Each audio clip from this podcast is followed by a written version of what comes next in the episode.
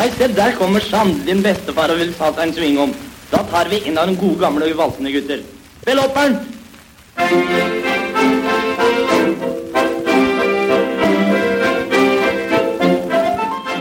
Velkommen til et dypdykk i sveivegrammofonens verden, der vi i løpet av den nærmeste halvtimen tar for oss musikken som ble utgitt i løpet av den første halvdelen av 1900-tallet. Mitt navn er Stig Ove Wold, og du hører på Gamle riller. Programmet skal først og fremst handle om musikk som ble innspilt i perioden fra 1904 til 1958, altså det som ble utgitt på såkalte 78-plater, som mange kjenner som steinkaker. Etter at Thomas Edison oppfant sylinderfonografen i 1877, gikk det ikke lang tid før tysk-amerikanske Emil Berliner fant det mest hensiktsmessig å utvikle det han kalte grammofonen, og den runde platen vi kjenner i dag. I Norge begynte vi å gjøre innspillinger på sjellakkplater for sveivegrammofon i desember 1904, noe vi holdt på med frem til høsten 1958, da vinylen og de elektriske platespillerne mer eller mindre hadde tatt over hele markedet. Musikken jeg spiller i dette programmet kommer fra min egen samling, og jeg skal forsøke å presentere en bredde av sjangre, tidsperioder, utøvere, instrumenter og tematikk. Noe har vært veldig populært og bør være kjent av de fleste, men kanskje fins det historier bak innspillingen som ikke har vært like godt kjent. Andre innspillinger kan være digitalisert og gjort tilgjengelig for dagens publikum for aller første gang. Vi begynner med det norskeste av det norske, hardingfela, i 1905 skrev Sigurd Eldegard stykket 'Fossegrimen', som bygget på myten om Myllargutten. Dette var det første nynorske stykket som ble satt opp på Nationaltheatret i daværende Kristiania. Teatrets kapellmester Johan Halvorsen fikk i oppdrag å komponere musikk til stykket, og laget bl.a. springdansen Fanitullen. I 1927 begynte Odion å foreta elektriske innspillinger i Norge, og førstemann ut var skuespilleren Alfred Maurstad, som året før hadde hatt hovedrollen som Vigleik i stumfilmen 'Brudeferden i Hardanger'. Alfred Maurstad skulle senere bli en av landets mest kjente skuespillere. Kanskje best kjent i hovedrollen i filmen om gjestbåtsen, men på 1920-tallet var det mange som kjente ham som spellemann i radio. Et av Maurstads glansnumre var nettopp Johan Halvorsens Fanetullen. Og da Odion lanserte 180 000-serien, var Fanetullen en av flere innspillinger som markerte starten på de elektriske innspillingene i Norge. Hjemme hadde Alfred sin nyfødte sønn Toralf, som sikkert ble vekket både sent og tidlig av fars øving på Fanetullen, og som selv ble en av våre mest kjente skuespillere.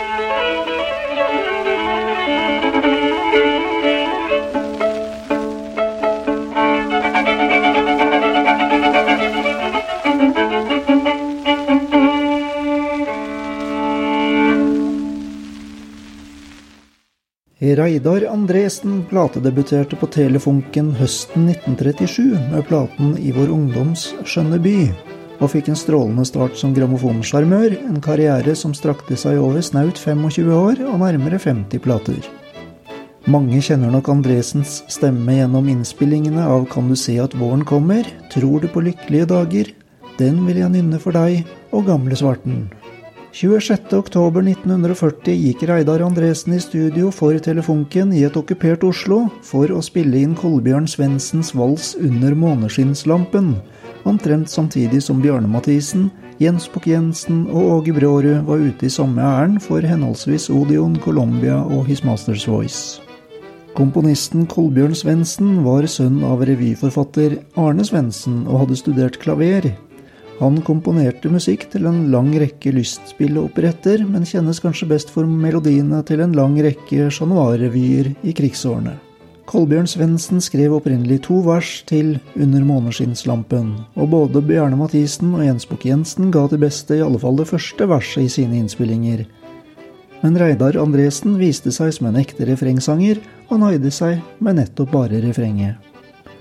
Her akkompagneres Reidar Andresen av Telefunken danseorkester, dirigert av Christian Hauger.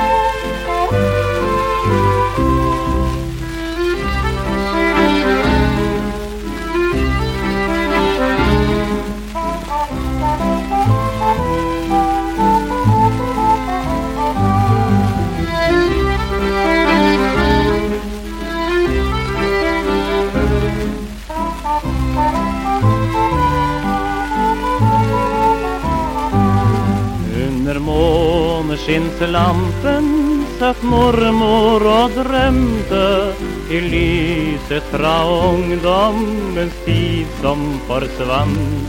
Under måneskinnslampen hun aldri forsømte den huslig gjerning som hjertene bandt. Da morfar spilte på sitt spinett en skjønn sonate følsomt og lett. Under måneskinnslampen satt mormor og drømte i lyset fra ungdommens tid som forsvant.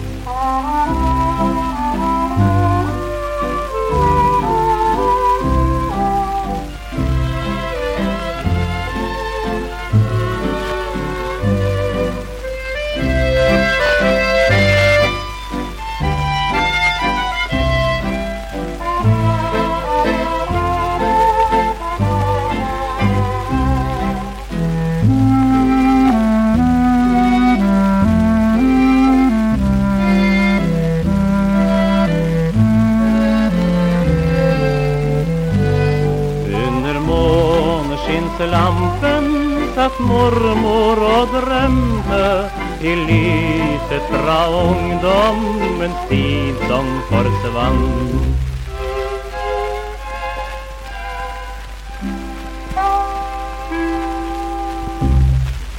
Vi går videre til en av de største plateartistene i sin tid, og til en av hans aller største slagere. Det dreier seg selvsagt om Jens Bukk-Jensen og melodien 'Når lysene tennes der hjemme'. Sangen dukket først opp i oktober 1932, da den ble presentert av gruppen The Vagabonds, bestående av tre herrer som jevnlig opptrådte på en radiostasjon i Nashville. Melodien ble en umiddelbar suksess, og skapte et renn av folk som ville ha platen. Imidlertid viste det seg å være vanskelig å finne innspillingen, siden ingen musikkforhandlere visste hvem som hadde utgitt den, hvis den i det hele tatt var utgitt. Snart tok direksjonen i Jenkins Music Company affære og påla alle ansatte om å lytte på alt av radiostasjoner inntil de hørte sangen.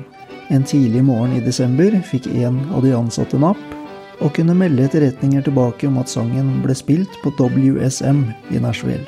Direktøren, som allerede hadde fått 200 bestillinger på platen, sendte sporenstreks telegram til radiostasjonen og fikk således kontakt med musikantene i The Vagabonds. 22.12.1932 signerte han kontrakt med Trion, og det ble deretter bestilt et parti på 10 000 eksemplarer som ble utsolgt i løpet av nyåret, hvorpå det ble bestilt ytterligere 10 000 eksemplarer, og det før platen i det hele tatt var produsert. På samme tid hadde jungeltrommen gjort sitt for å spre budskapet over det ganske land, og helt til London, for det gikk ikke mange dagene før forlaget Francis Day and Hunter ba om de britiske rettighetene til sangen.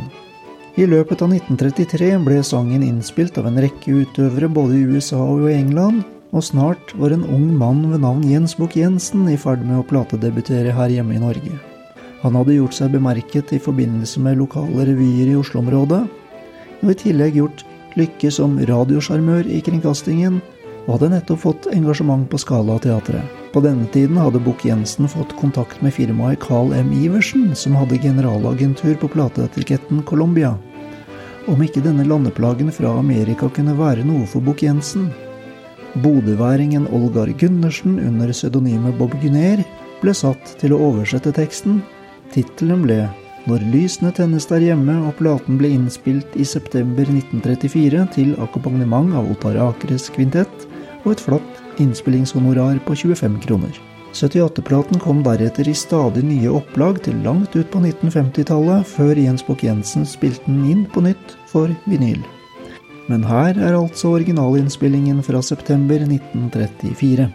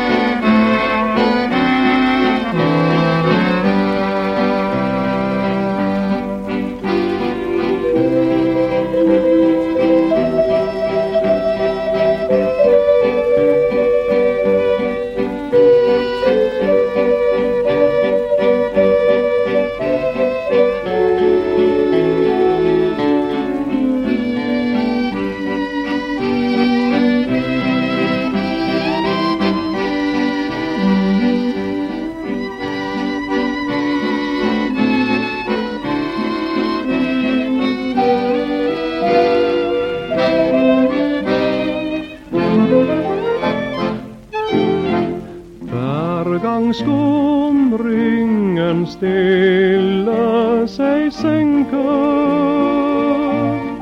mine tanker til hjemmet da går.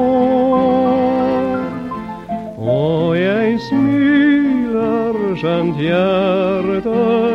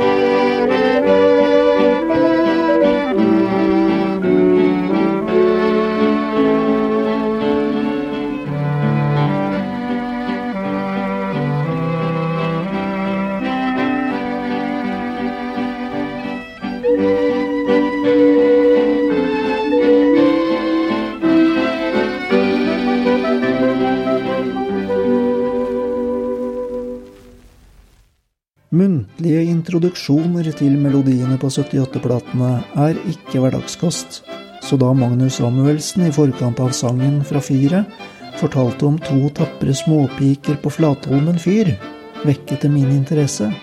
Sangen fra fyret ble innspilt for His Masters Voice og utgitt i 1933, men sangen var åpenbart eldre enn dette. Teksten var skrevet av Elias Kremmer, som var et pseudonym for forretningsmannen og forfatteren Anton B. Nilsen. Hendelsen som dannet grunnlaget for sangen fra fyret, oppstod 24.1.1894 ved Flatholmen fyr på Jæren i Sola kommune. Fyrvokter Ingebrett Olsen hadde vært i land i Tananger med sin kone og en sønn, og med seg tilbake hadde han sønnen Thorvald på ti år og Ansgar på åtte. Tilbake på øya var de to døtrene Bertine og Ester på 14 og 12 år, og to yngre brødre. Mens faren og de to eldste brødrene var på vei tilbake til øya, fulgte søstrene med i kikkert idet den lille seilbåten med ett veltet og alle tre om bord gikk i vannet. Bertine og Ester stengte de minste brødrene inne på kjøkkenet og løp ned til naustet. De fikk en liten jolle på sjøen og rodde ut mot forlisstedet. De klarte å redde åtte år gamle Ansgar, men faren og broren Torvald forsvant i sjøen. Tilbake på Flatholmen fikk de blodige, utslitte og livredde søstrene etter hvert liv i Ansgar, melket kua og tent fyrlykta. Først dagen etter fikk de kontakt med folk som kunne gi beskjed på land om ulykken. Historien om de tapre jentene ble snart kjent gjennom avisene, og umiddelbart ble det samlet inn penger fra fjern og nær til de farløse barna. For å få ytterligere fart på innsamlingen sendte Anton Nilsen sitt dikt inn til Morgenbladet, der det ble trykket 4. april samme år under tittelen 'Småpikene på Flatholmen fyr'. Flere år senere, i 1909, var dikteren på reise til New York, der han av Den skandinaviske forening ble anmodet om å fortelle fra gamlelandet. Etter hvert som Nilsen fortalte om kysten og livet ved havet, rant historien om Flatholmen ham i hu. Underveis i historien kom han til det punkt hvor småpikene ropte i sin ytterste nød Far, far, synk ikke, nu kommer vi. Og med det samme hørte forsamlingen et undertrykket hulk fra en ung kvinne nede i salen. Nilsen kom i snakk med kvinnen etter foredraget, og da viste det seg at hun var en av søstrene på Flatholmen. Derpå satte hun seg ved pianoet og sang den lille visen til eget akkompagnement. Hun hadde nemlig blitt musikklærerinne i New York. Denne sang er tilegnet de to tapre småpiker på Flatholmen fyr, som etter en heltemodig kamp for å redde sin far og sine to brødre, kun fikk reddet den ene bror, mens faren, fyrvokteren, og den annen bror druknet.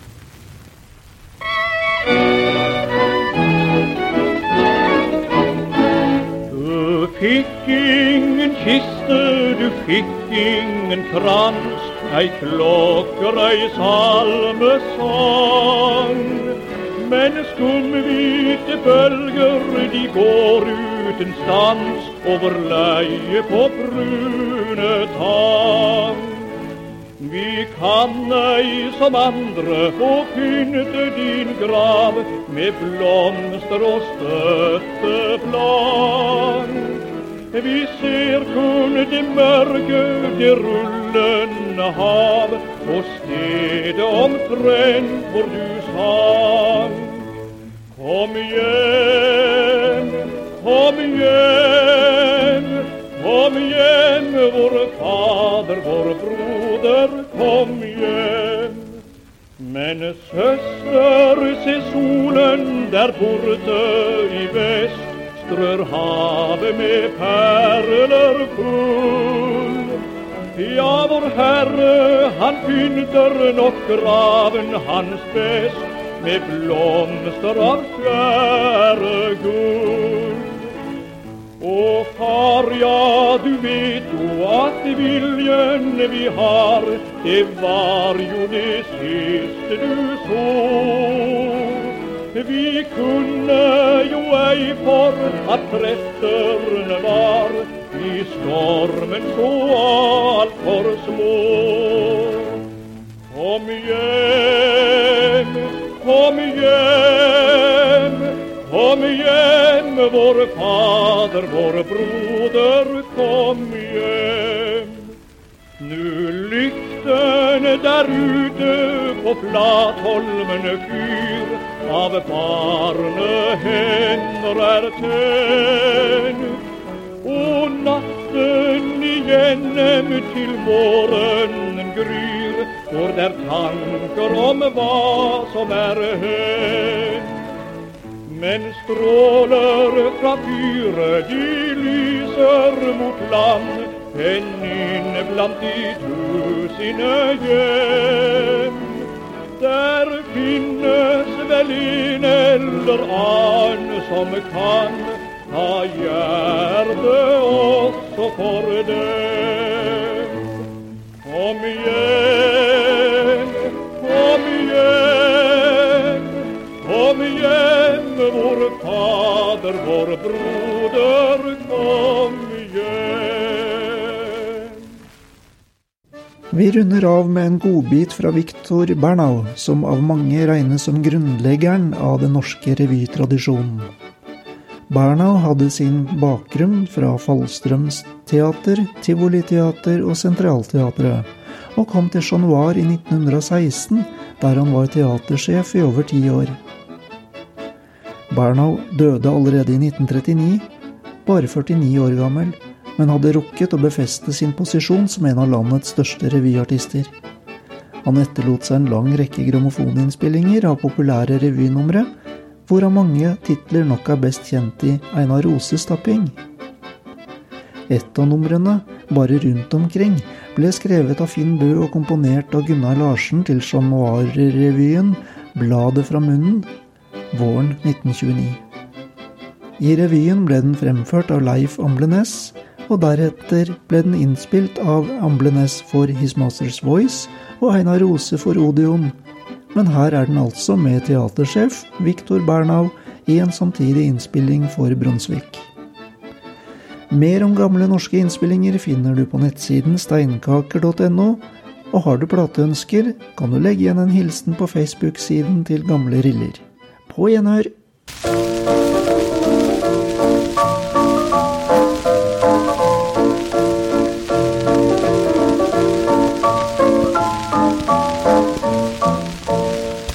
Jeg har dessverre nokså lite hår, akk ja, det visner vekk og faller av. Jeg kan vel nesten telle dem som er igjen, de ser jo hvor de sitter hen.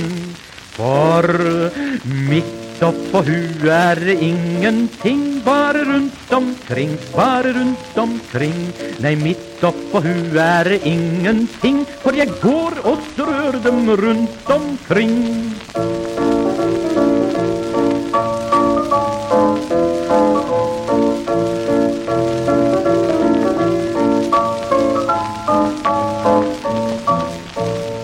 En stortingsmann tør aldri tale høyt og fritt.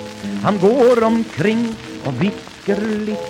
Han er ingen beundrer av det frie ord, men hvisker i en korridor. For midt nedi salen sier en ingenting, bare rundt omkring, bare rundt omkring. Og fedrelandets skjebne veier ingenting, den blir alltid avgjort rundt omkring.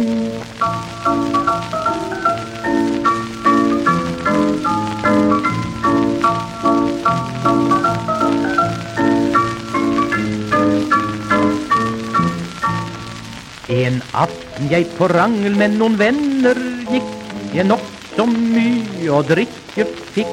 Til slutt jeg brygget pjolter nummer cirka ti, og skulle helle selters i.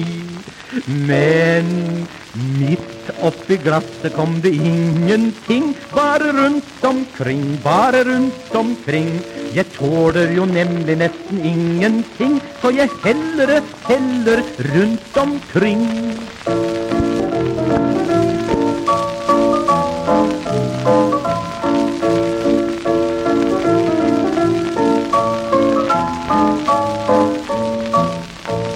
Det skrevet står at slekten skal formere seg, og dette skriftsted, ja, det følger jeg. Jeg tør nok si at jeg har vært en fruktbar mann, Mitt avkom er som havets sand.